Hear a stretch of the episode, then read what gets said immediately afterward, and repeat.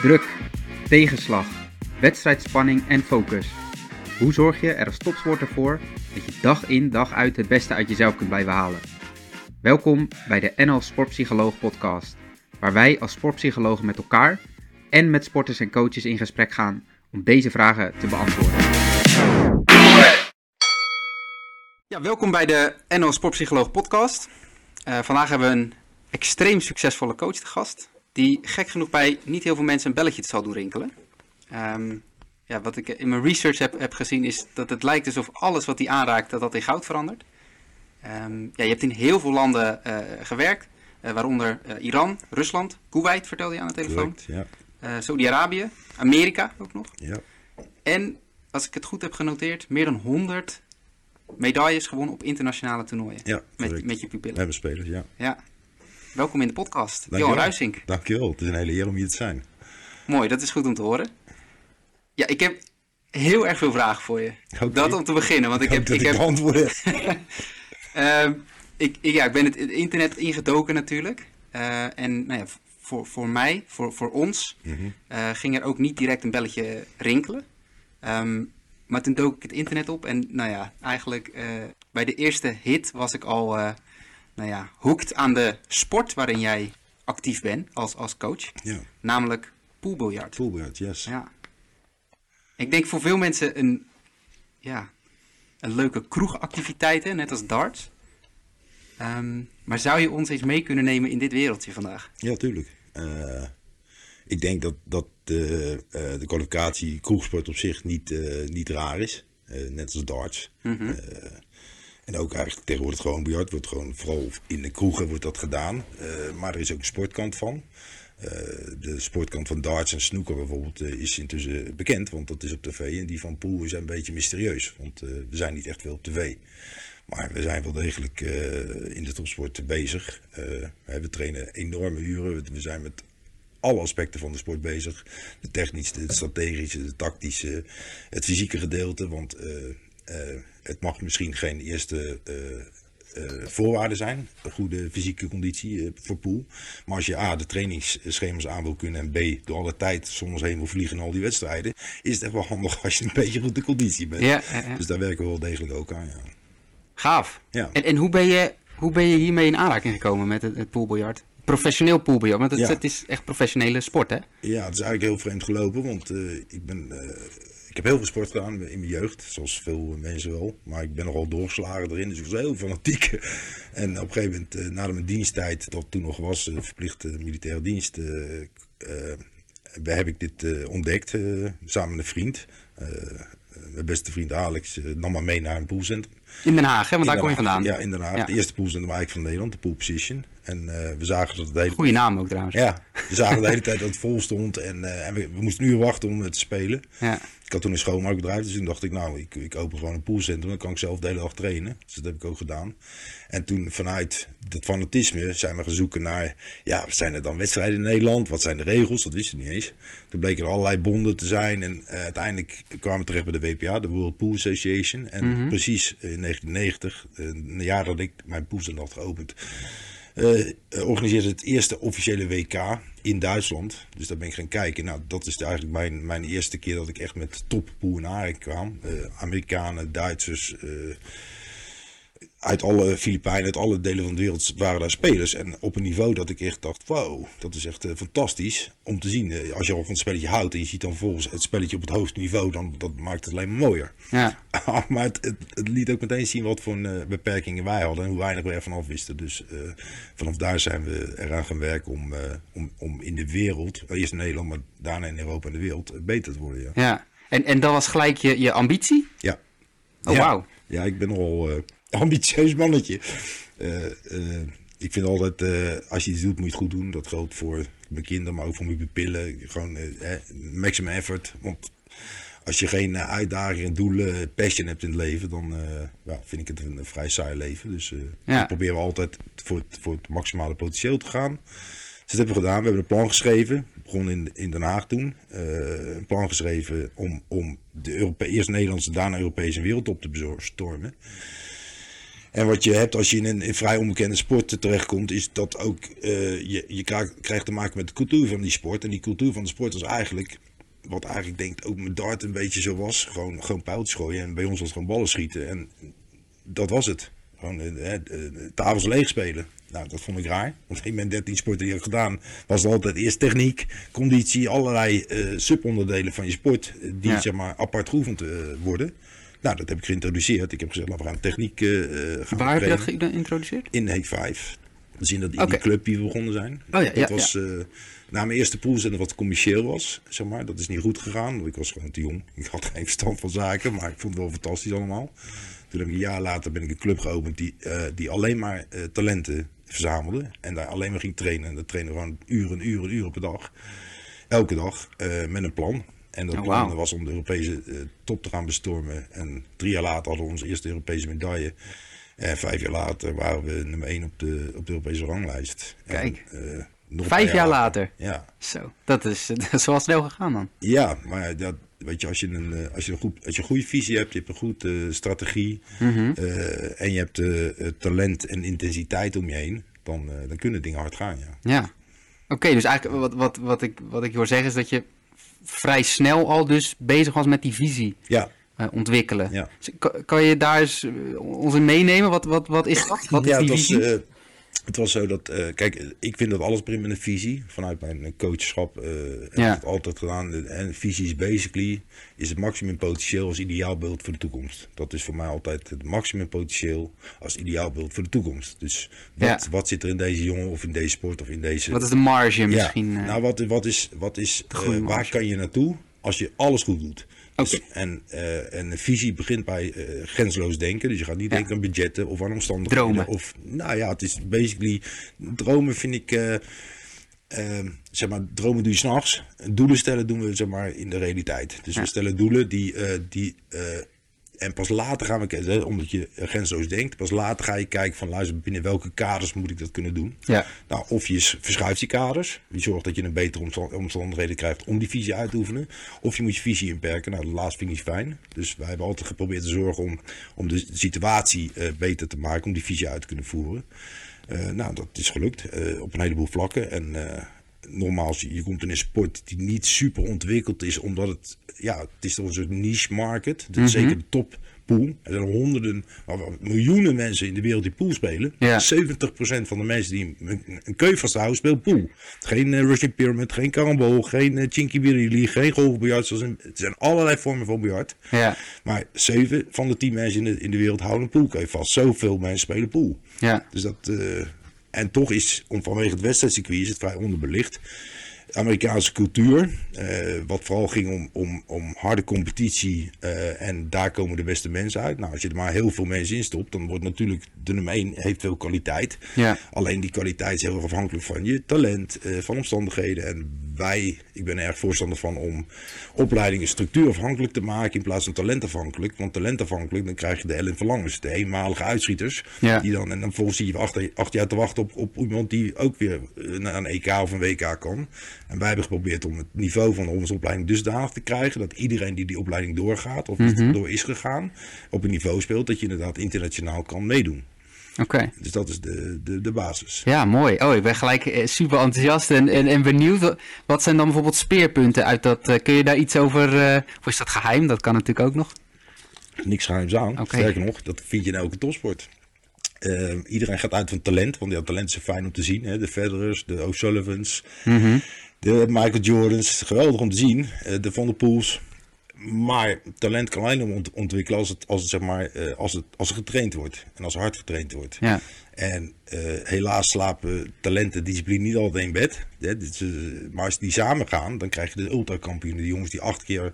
Hè, dus Nadal heeft geloof ik in het 14 jaar heeft hij twee, keer, twee wedstrijden verloren op Roland Garros. Dat komt niet omdat die jongen zo getalenteerd is. Nee. Want er zijn er meer. Maar het komt die jongen zo verschrikkelijk hard werkt en, eh, en er alles aan doet om de beste te zijn. De Ronaldo's. De, hè, dus, dus als je talent met discipline combineert, dan krijg je de ultrakampioen. Ja, ja, ja.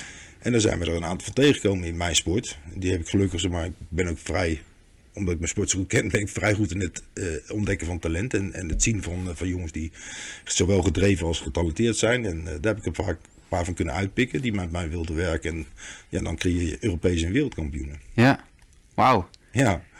En uh, je zei net uh, eventjes, eventjes terug, hè? Ja. Um, binnen vijf jaar ja. hadden jullie echt gigantische stappen ja. uh, gezet. dan ben ik wel eventjes benieuwd van, ja, waar hou je die jongens bijvoorbeeld vandaan? Of, en, en meiden, ik weet niet. nou, hoe is dat? Nadat mijn eigen poolcentrum stopte, Mhm. -hmm. ging ik zelf spelen in Den Haag bij allerlei kroegen, koffieshops, poolcenters, snookercenters. Ik zocht gewoon pooltafels op en ik zocht competitie. Uh, die er niet echt was, want ik speelde op niveau behoorlijk hoog. Of dat Ja. uh, uh, moment al behoorlijk hoog niveau. Maar ik kwam wel een aantal jongens tegen die weliswaar ruw waren, maar wel heel erg gepassioneerd en heel erg ook wel getalenteerd. Een aantal jongens kwamen vanuit snooker. Mhm. dus dan heb je al een goede basis wat betreft straight shooting, recht schieten. Uh, en die hebben we verzameld. Ik heb, omdat ik daar al een paar jaar rondliep in Den Haag, heb ik die jongens gevraagd van kom naar Heek 5, kom naar ons poolcentrum of naar ons poolclub. Dan gaan we daar trainen. Ja. En alle jongens moesten daarvoor uh, tekenen dat ze dat zouden doen. We, hebben toen, we zijn begonnen met 30 leden, een klein clubje. En als je weet dat uit die 30 leden, of eigenlijk ja, 30 leden, dat daar twee Mosconi Cup captains zijn gekomen. Een MVP van uh, twee wereldkampioenen.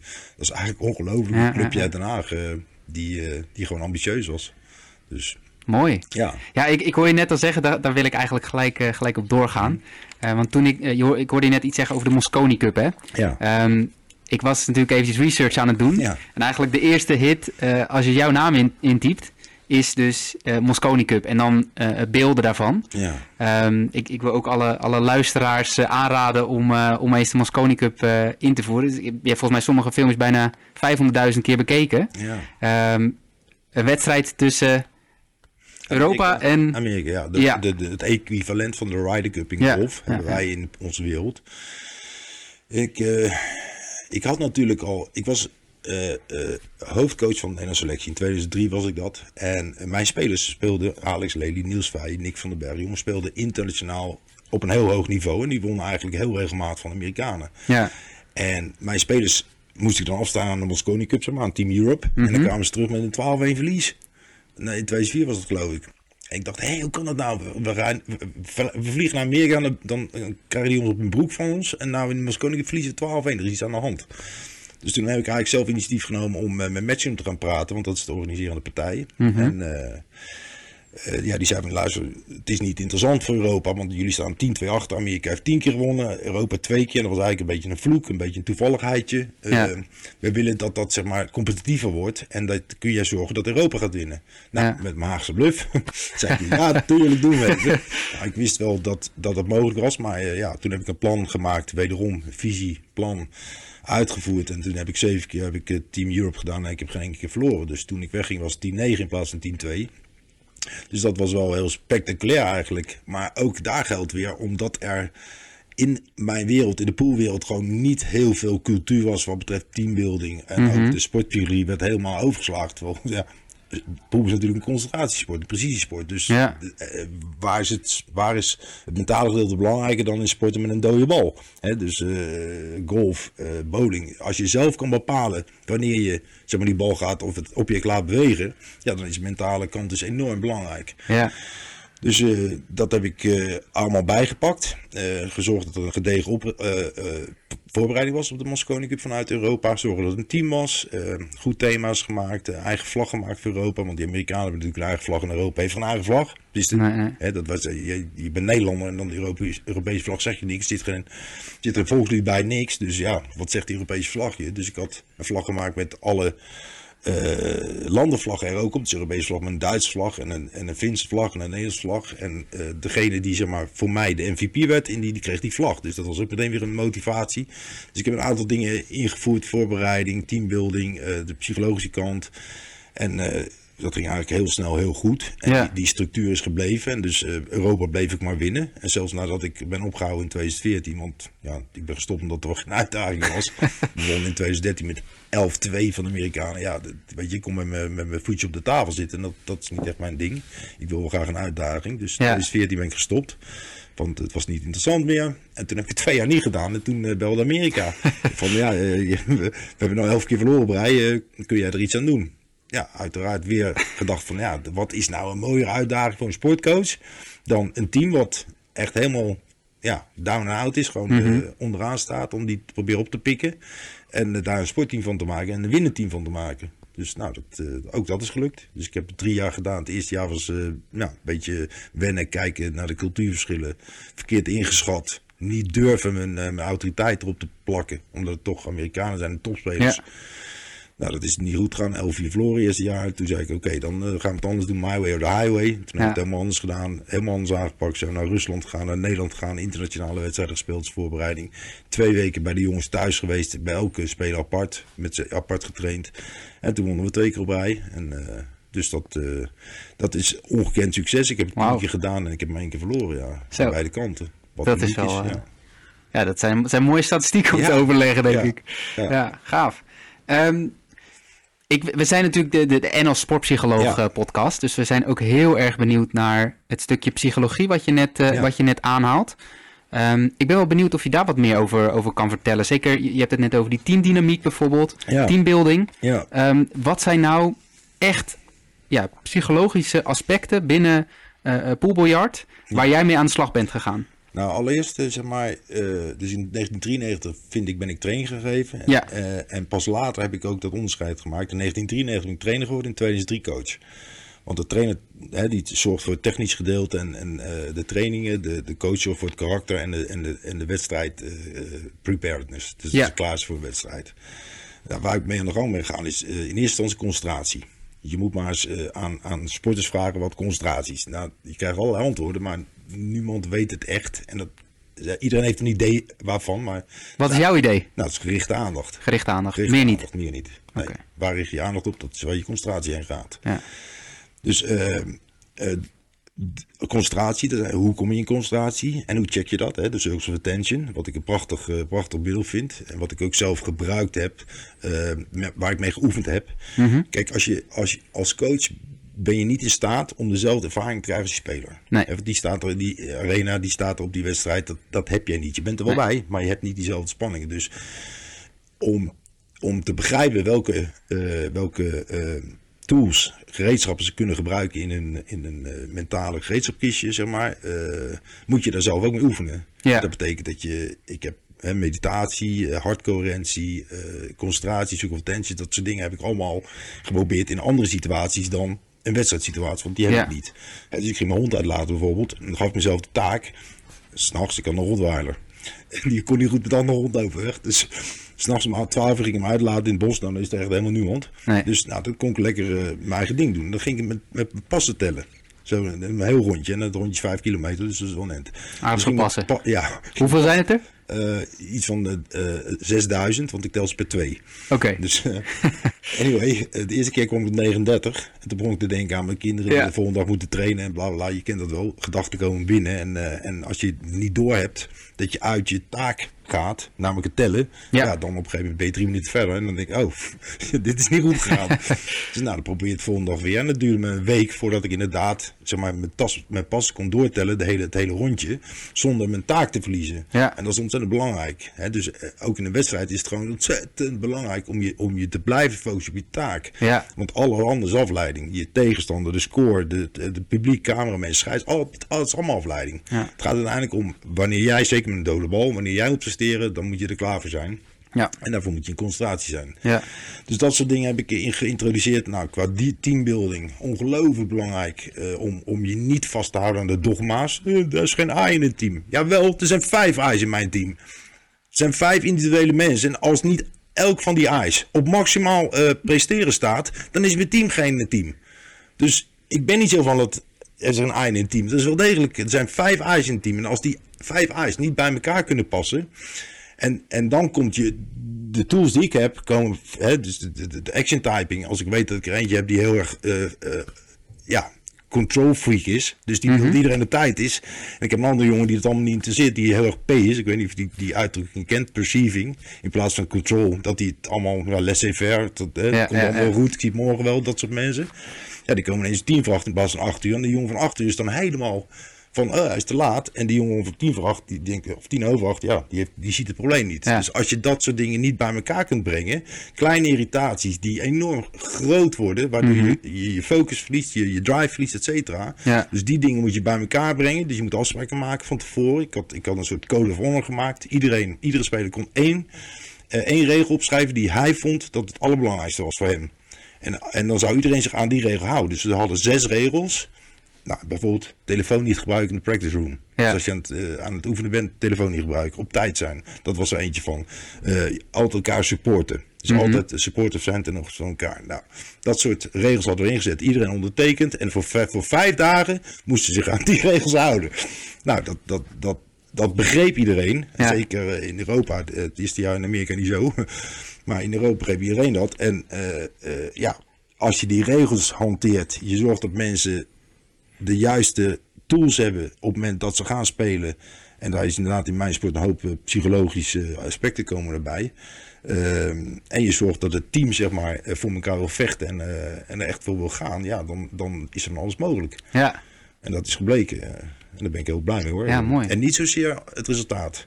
Want, want weet je, resultaat is, is een soort van vluchtig. Maar de, de, want ja, het is leuk voor de geschiedenisboeken. Maar uiteindelijk, geloof mij, die jongens waar ik in 2010 bijvoorbeeld hebben een fantastisch Moxonica bedrijf met Team Europe. Had ik een acteur gehuurd en het thema was met ridders en heel veel was dat. voor de teambuilding dan of die zo. gasten nooit meer. Nee, nee, nee. En, en, en niet alleen, zeg maar, ze vergeten niet alleen eh, het, dus het moment als zich, maar het proces. Ja, Eh, ja, dat, ja, ze, dat ze begrijpen, oh ja, daardoor hebben we toen zo goed gespeeld. Door, zo goeie, door zulke goede afspraken. Door eh, zo intensief voor te bereiden. Door elkaar te steunen. Dat is de reden waarom we gewonnen hebben. En die structuur die toen is neergezet, die is in Europa blijven hangen. En daarom is Europa ook nu heel dominant in die Mosconi Cup. Ja. Want Gewoon dat, die cultuur die jij hebt, hebt eh, Ja, en- achtergelaten. ik zal het niet alleen op mijn, eh, Nee, nee. mijn schouders nemen. Maar het is wel, zeg maar, de Nederlandse school, de Dutch School in Poel, is wel dat, ja. Mhm. Ja. Hè, want Niels, eh, Niels Veijen, de wereldkampioen, en Nick van den Berg, Alex Lely, wij, wij trainen en zorgen allemaal voor die, eh, die eh, omgevingsfactoren om te zorgen dat er gepresteerd kan worden. Ja, Dus mooi. ja. Ja, echt, denk wel echt dat we- super leerzaam denk ik ook ik denk voor... wel dat eh, we een, een soort van trend hebben gezet Ja, ja, als ja. Nederland. En dat is best wel grappig natuurlijk. Dat je zo'n klein rotlandje, dat je in een sport zeg maar bepalend bent. Ja. gaaf. En ik hoorde je net al, dat is misschien ook wel, wel interessant om daar eh, nog wat meer op in te zoomen. Hè? Eh, die, die cultuurverschillen tussen de Verenigde Staten Ja. en, en Europa Ja. als, als geheel. En je hebt natuurlijk ook nog in, in nou, het Midden-Oosten. eh, Ja. en je zei ook, even, dat was nog voor de, voor de podcast, zei je dat je ook in, in Vietnam, hè, voor wat meer. Iran, Vietnam, ja. Dan, kijk, zo in Am- Amerika is niet één land. Nee, Het zijn nee, 51 staten. hè. Als je Ja. Ohio bent of je bent in New York, dat is compleet verschillend. Ja, Eh, ja, ja. Je gaat van rednecks naar hillbillies naar, naar heel erg eh, high. Ik heb op, de... Op de golfcourse in Arnold Palmer gezeten, waar um, het lidmaatschap geloof ik 250.000 dollar kost. Dus een van de spelers was daar. Dus daar heb ik twee weken gezeten om hem te trainen. En vervolgens ging naar Ohio, ging naar een of andere trailer. Waar, Ja. ja. een of andere caravan zeg maar. En dan moest ik dan twee weken slapen. Dus compleet, compleet eh, anders. Maar, eh, maar daardoor leer je ook wel weer dat eh, zeg maar, het aanpassingsvermogen mij als coach... Ja, dat, dat wordt enorm eh, eh, aangescherpt daardoor. ja, In eerste instantie denk je echt dat je in een soort cartoon binnenloopt. Als mensen met revolvers eh, op, op de poort zitten, zeg maar soms. Dat is echt waar. Dan denk je, wat is dit? Maar ja, eh, eh, die hele, de hele eh, mentaliteit van die gasten is compleet anders dan bijvoorbeeld in Europa. Dus daar heb ik heel, heel erg aan moeten wennen. Je hebt eigenlijk 51 landen in, in, in, Ja, in Amerika. ja, ja. En Ze, ze, ze reageren allemaal een beetje anders als je hè, kijken waar je vandaan komt. ja. Dus En- die, en- die bij elkaar brengen is een stuk lastiger dan Europa. Want. Europa heeft toch een soort meer algemene eh, gelijkwaardige trend. En eh, wat betreft mentaliteit en, en denken over zaken, opleiding. Dat is Ja. een, beetje, een beetje hetzelfde allemaal. In Ja. Amerika is dat anders. Dus en, en hoe, wat, zijn daarin de grootste verschillen dan? Dat ben ik wel heel benieuwd naar.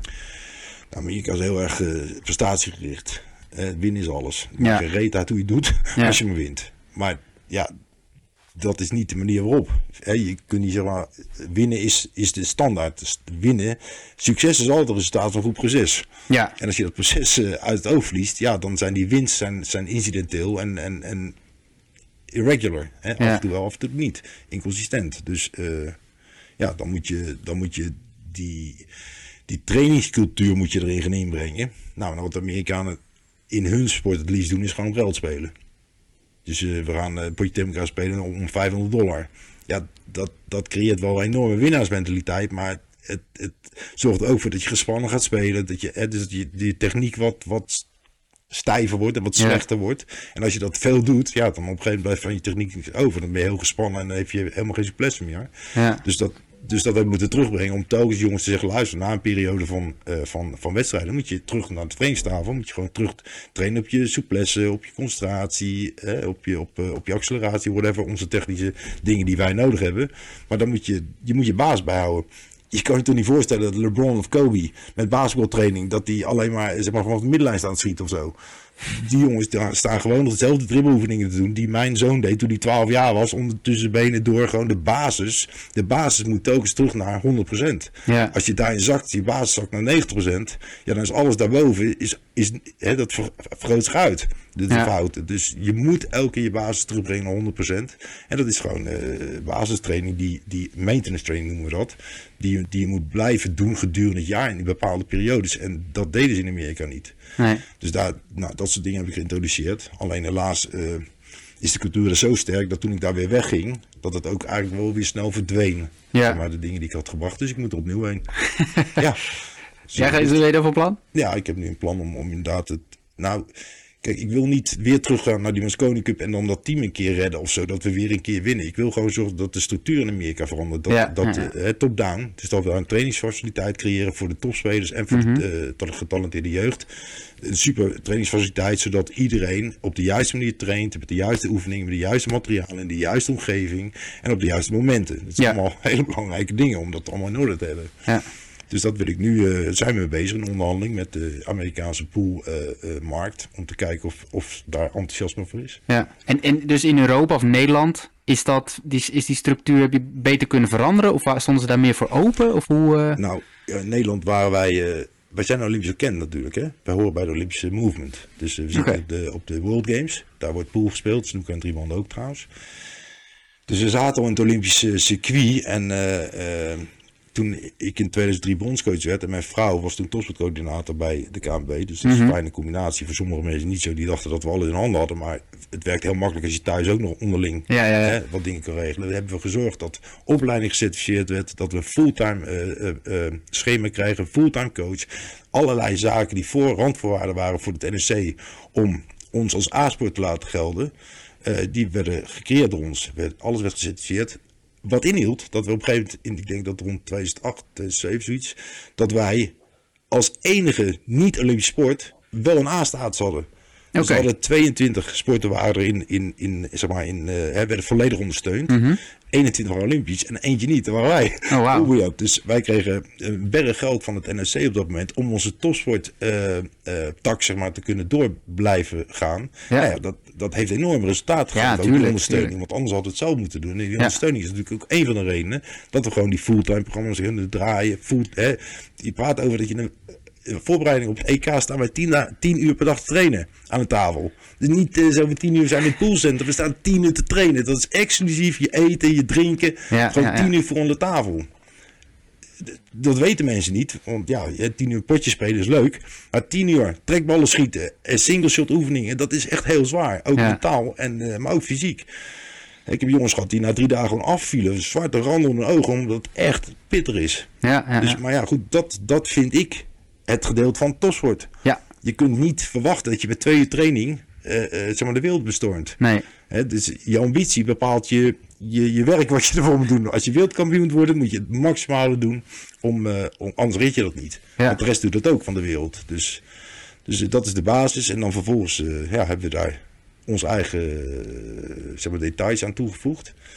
dingen die gewoon uit, uit normale topsport dingen hoor. Het noem je zoiets als supercompensatie. Wat iedere, waar iedere Olympische sporter mee werkt. Of je nou wielrent, zwemmen of whatever. Weet je, je traint hard, je, zorgt dat die spieren maximaal belast worden. En dan volgens de rust zorgt voor het beter worden van je lichaam. Dat is een fantastisch systeem in je lichaam.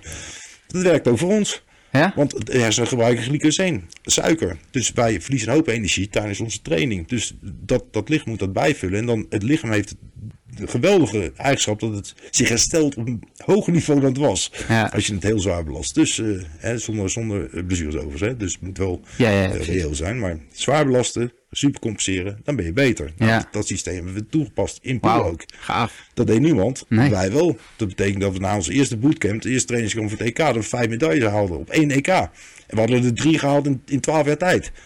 Dus dan zien spelers dat het werkt. En als dingen werken, luister, succes, er is niks zo verslaafd als succes. dus als je succes hebt, dan wil je dat nog een keer natuurlijk. Ja. Dus ja, dan ga je dezelfde dingen doen als je daarvoor deed. En ja, we hebben het uiteraard nog wat gedetailleerder en wat aangepast en wat verpersoonlijkt. Dus uiteindelijk heeft het gewoon inderdaad heel veel succes geleverd. En eh, ik denk dat dat niet zozeer eh, alleen door mij komt. Ik denk gewoon het, het implementeren van topsportwetten die eh, alle topsport geldt.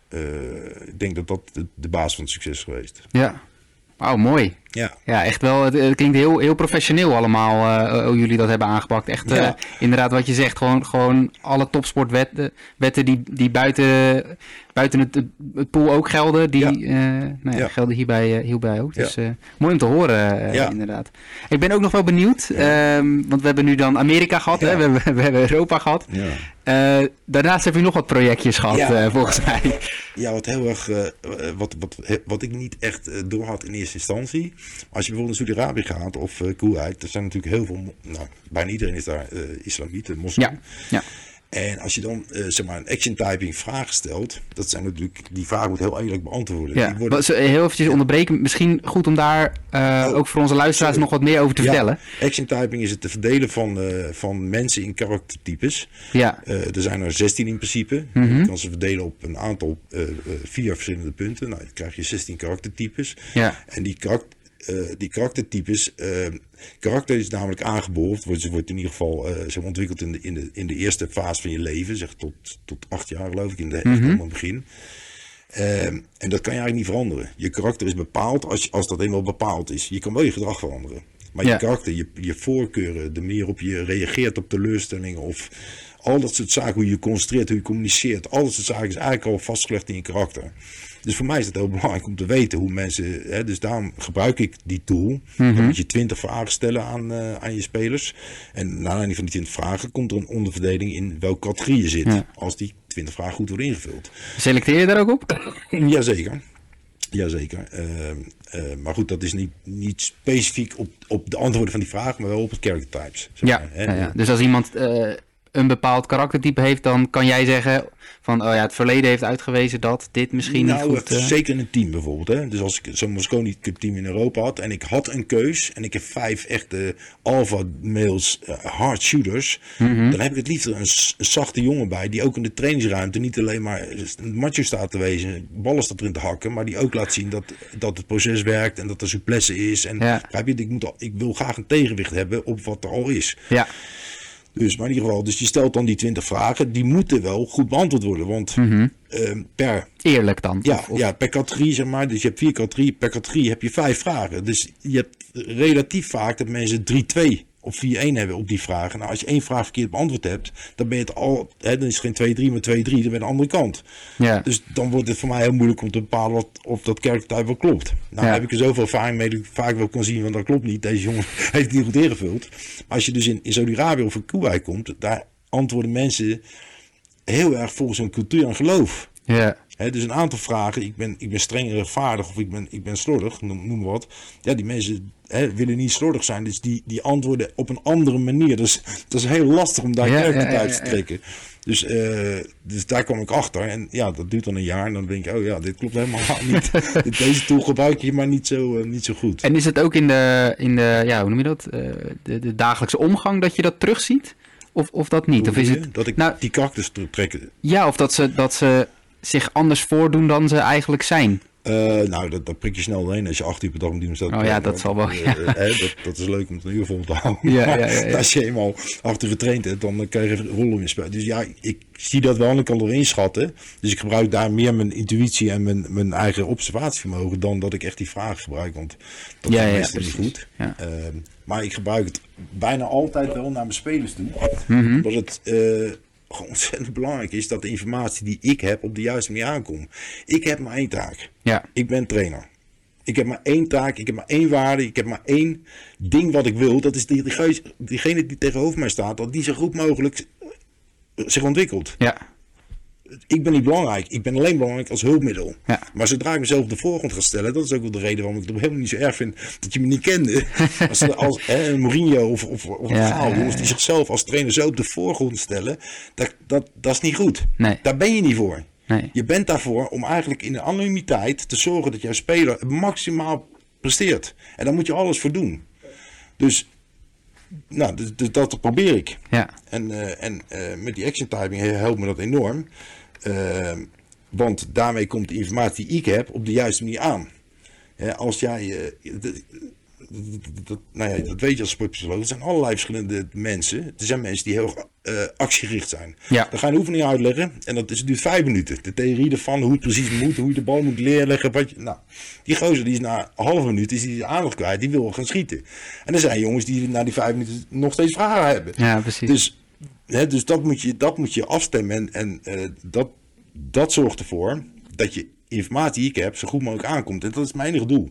Ik wil mijn informatie daar hebben, anders is het paarden voor de zwijnen. Ik kan alle cursussen volgen, ik kan de beste informatie hebben. Maar als ik dat niet bij hem kan bereiken, eh, Ja. brengen, die jongen tegenover me staat, of vrouw die tegenover me staat, dan, dan heb ik gefaald. ja. Dus dat is de reden waarom we ook die tools hebben, die skills hebben, of eh, eh, de cursussen doen, om te zorgen dat je dat zo goed mogelijk kan doen. ja. En, en in de omgang met mensen uit het Midden-Oosten bijvoorbeeld, Ja. moet je je daarin heel erg aanpassen bijvoorbeeld? Ja. Ja, ja, ook omdat er gewoon bepaalde regels zijn. Het is heel raar, eh, kleine regeltjes. Eh, Als je gaat, als je gaat uiteten, ja, dan zit een, iemand die echt islamiet is, die mag niet bij jou aan tafel zitten als je alcohol drinkt. Dus als ik een wijntje bestel, dan Ja. gaat hij aan onder de tafel zitten. En, en met open ogen en, en met Ja. volledig respect Die microfoon bij je. zegt hij zegt Ja. hij zegt hij tegen me van... Ja, als je wijn drinkt, dan kan ik niet bij jou aan deze tafel zitten. Maar drink alsjeblieft je wijn. Ik ga met alle liefde aan onder de tafel zitten. Ja. Die gaat natuurlijk weg. Dat, dat is logisch. Maar, hè, dus, maar dat soort dingen weet je natuurlijk niet. Eh, bepaalde gewoontes... eh, eh, het zijn anders en, en eh, daar moet je aan wennen. Maar ja, uiteindelijk... De reden dat je kan samenwerken is altijd die overeenkomsten. Weet je, Ja. nooit, nooit je verschillen. Dus wat drijft ons, dat is onze, onze motivatie, onze passie, onze wil om beter te worden, de drive. eh, dus de kennis, dus dat brengt al heel snel een soort eh liantie, een soort eh, eh, verbinding. Ja. En dan kun je toch wel werken natuurlijk met die gasten. Zeker, Ja. zeker. Gaaf. Ja, Mooie uitdagingen ook, Ja, ook lijkt, me, lijkt me daar. ja. Nou, mooi. Ja, het, het, is, het is mooi om te horen hoeveel, hoeveel ervaring je hebt en, en in welke landen je allemaal bent geweest, cultuurverschillen. Echt, echt heel gaaf om te, om te horen. Ik, ik ben nog wel eventjes benieuwd, want nou, we zijn toch al weer bijna 40 minuten bezig. Oh. Ehm, toen we elkaar voor het eerst aan de Ja. telefoon spraken, toen eh, had je een hele mooie one-liner. En Ja. daar ben ik nog wel heel eventjes benieuwd naar voordat, voordat we richting de afronding gaan. Je zei, darts is pool on steroids. ja. Kun je, wat, dat- wat bedoelde je daarmee? Dat was natuurlijk in de context van het gesprek wat we toen hadden. Maar Ja. ik bedoel eigenlijk, eh, eh, zeg maar, je hebt eh, een bepaalde tijd om je, je mentale processen te verwerken. Ja, Teleurstelling, gloriemomenten.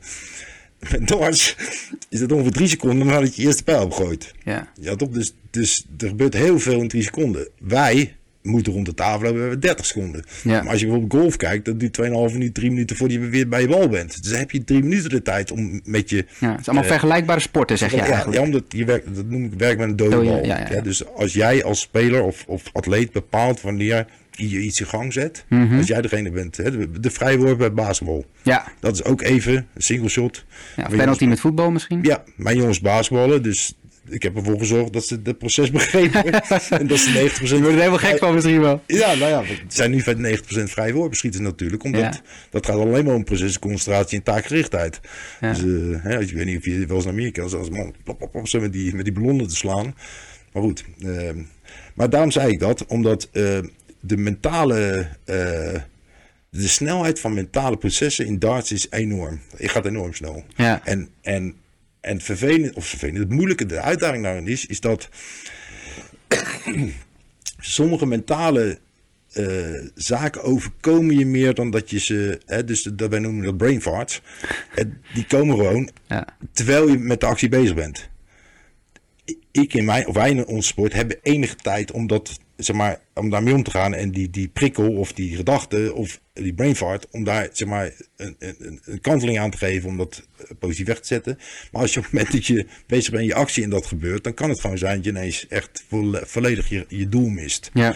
Dus daarom, eh, ik vind darts een waanzinnige sport, eh, ook vanwege het systeem, maar vooral op de mentale kant. Weet je, het is een beetje hetzelfde als dat je zegt van met reactionaire sporten, dus hè, voetbal, volley, whatever. Ik bedoel, wat is de meest reactionaire sport? De bedoel, er is echt geen tijd om erna te denken wat je gaat doen. Het Nee. gaat zo verschrikkelijk. Allemaal instinct of hoe... eh, Het, het is allemaal ja, ingetraindheid, eh, hè, dus eh, muscle memory Ja. en reactie. En ja, dat, dat vind ik zeg maar hetzelfde. Dus darts is als het ware tafeltennis in de psycholo- psychologische sport. Dus het gaat zo snel en je kan zo snel up en down eh, in, in je, in je hoofd. eh, emoties, eh, teleurstelling, gloriemomenten, denken dat je gaat winnen, verwachtingen. Al die dingen moet je maar continu handelen. Ja. Het publiek ook nog eens. Dus allemaal afleiders ja, eigenlijk. allemaal hè? afleiden. Ja, Ja, ja, ja. En de scoren, publiek. Want eh, darts is natuurlijk bekend om zijn enorme luidruchtige publiek. En dat hebben wij op de Moscone Cup eigenlijk ook. Ja, ja, ik heb het gezien op, eh, Het op is YouTube. dezelfde organisatie Ja. die, hè, die dat regelt. En die willen een beetje die darts weer erin krijgen. ja. Dus er moet gewoon veel eh, eh, enthousiasme en veel betrokkenheid van het publiek zijn. Ja. Dat is er ook. en als je het hoort op YouTube. En ik heb, ik heb het ze allemaal bekeken, maar ik heb er ook tien keer tussen gestaan. Het is echt tien keer harder als je er staat dan als je het op YouTube hoort. Dat is niet normaal. Ze zitten twee meter achter je zitten te schreeuwen. Dus, en allemaal natuurlijk te veel bier op. Dus ja, nee, dat, dat gaat wel goed. Heel leuk is dat. Gaaf, mooi. Ja. Nou, laten we... Volgens mij kunnen we nog wel eh 2,5 uur doorpraten hier, hierover. Eh sport leuk om... eh, ja, toch? Ja. Ja. En, en eh, vandaar ook mijn volgende vraag. Oké. Wat is jouw favoriete sportmoment ooit? Ik, je hebt al gezegd dat, Ja. het, dat het een moeilijke vraag is. Nou, Ehm, je, misschien kunnen we er twee pakken. Oké, nou ik vond Mathieu van der Poel, toen hij op zijn achttiende wereldkampioen werd bij de, hè, zijn eerste keer dat hij, uh, hij kon nog kiezen of hij eh, bij de jeugd ging rijden. Of, Ja, ja, ja. eh, en toen koos hij ervoor om bij de heren te rijden. Nou, dat vind ik ongelooflijk. Want ik heb hem in 2014 Louisville gezien. En toen zag je eh, Van Aert erachteraan rijden met zulke beentjes. Die had daar van die dunne beentjes die nu eh, zo groot als mijn armen. Als je die jongens bovenbenen nu ziet. Mhm. Ja, ja, dat is het groot van mijn, mijn middenlichaam. Ja. Dus hoe hard de gasten getraind. Die jongens hebben uit, uit, uit een sport waar een uurtje moet rijden over de modder, door de modder, hebben ze de hele wie- wielerwereld veranderd. Ja, Dat is onwaarschijnlijk. Als je sprints wint, hè, van Aert sprints, eh, eh, Bergetappes. en, en tijdritten. Tja. En Van der Poel ook, eh, wat hij allemaal gewonnen heeft nu. Ja, de drie voorjaarsliedjes en winter twee wordt één tweede. Ja, uniek. Uniek. Dus, en het begon allemaal, vind ik, met zijn eerste wereldtitel in, bij de jeugd. Eh, of eh, bij de eh, profs Ja. op zijn achttiende. Dus dat vond ik een heel mooi moment. ja. En ik heb zelf in 1992, toen ik in, bij de Olympische Spelen was in Barcelona, heb ik voor de verspringwacht gezeten waar Mike Paul en Carl Lewis een, een legendarisch gevecht uitvochten. Toen nog sprongen allemaal 860, 870, dat was allemaal, en nu zijn ze blij met 820, maar toen sprongen ze bijna 9 meter. En elke sprong was, was raak, dus dat was echt fantastisch. Je moet echt hebben gevlogen Ja. voor je neus dan. ja. En ik was voor Mike Paul, mijn vriend was voor Carl Lewis, dus dat maakt het extra leuk. Gaaf. Ja. Mooi. Mooie dingen. Ehm, en ook, ja, voor... Volgens mij, je zei al, sp- sport, je, volgens mij consumeer je zo'n beetje alles. ja. En van de, van de afgelopen tijd, wat, wat, is, wat is er qua sportnieuws blijven hangen en, en waarom? Eh, wat is er? Nou ja, we hebben natuurlijk nu weer net eh het schaatsenseizoen eh, is weer bezig. Dus Mhm. dat vind ik, vind ik fantastisch. Het veld, het, of het, ja, het veld, het seizoen is bezig. Ja, dat is, eh, wat is er nog meer blijven hangen? Het Schanspringen, hè, de, de vier schanstoernooien, dat vind ik ook wel prachtig om te zien. Eh, op En waarom? moment- Wat, wat vind je... Wat, ja, dat heeft misschien een beetje nostalgische waarde. Dat ik, met- dat, dat, mijn eerste herinnering dat ik met mijn vader naar sport zat te kijken was op nieuwjaarsdag. Ah, dat ja, ik ja, Krams ja, ja, een keertje zat te kijken. Succesvols denk ik bij hem op schoot. Dus op deze manier is dat blijven hangen. Maar dat vind ik ook, ik bedoel, toch idioot om, om Ja. van zo'n van zo'n schans heb je wel eens bovenop gestaan. Ik- nou naar beneden kijken, dus bijna recht naar beneden. En dan te denken dat je eraf moet met de skis en dan gaan vliegen. Dat is een fantastische sport natuurlijk. Bizar. Dat zijn echt de helden voor Echt mij. eh, bizar. ja. ja. Gaaf. Ehm, en dan nog mijn laatste, Hm? laatste vraag van de rubriekjes. Ehm, ik denk dat met jouw ervaring eh, is het denk ik wel ook goed om, om voor nou ja, ambitieuze sporters, hè, die wij willen aanspreken ook, Ja. eh, met deze podcast. Als je, als je nou één tip zou kunnen meegeven aan een, een jonge ambitieuze sporter, of misschien wel sportouder, kan ook. Of, of techniek. Techniek. Techniek, Techniek. Als je ook naar, kijkt naar het meerjarenopleidingsplan, dus de, het begint met de eerste fase fundamentals, tweede is techniek. Je, de, de, de, de kwaliteit van je techniek bepaalt eigenlijk je plafond in je sport. Ja, En daarnaast heb je natuurlijk nog drive en, en, en van alles. Maar als je techniek maximaal we houden allemaal van de Federers en, en de, hè, de, eh, eh, Michael Jordans. Waarom? Het ziet er allemaal zo makkelijk uit. Waarom is dat? Omdat ze zo'n goede techniek hebben. En, en ik denk nog steeds dat als je techniek super is, eh, zeg maar, dan, dan door het harde werk kun je dan zeg maar, uiteindelijk de top bereiken. Maar zonder toptechniek gaat dat niet lukken. oké. Gaat niet lukken. Ik wil je bedanken voor je komst, Johan. Ja, graag gedaan. Het is leuk om te zijn. Leuk dat je luisterde. Wil je nou meer informatie over NL Sportpsycholoog? Ben je benieuwd naar het boek Mindboxing? Of wil je gelijk aan de slag met de drie batterijmethode? Kijk dan in de show notes of ga direct naar www.nlsportpsycholoog.nl. Vergeet trouwens ook niet te abonneren in je favoriete podcast app als je niks wilt missen. En als je ons echt zou willen helpen, kun je dan ook een beoordeling achterlaten. Zo worden wij ook weer beter gevonden. Tot de volgende aflevering. Wanna hear you go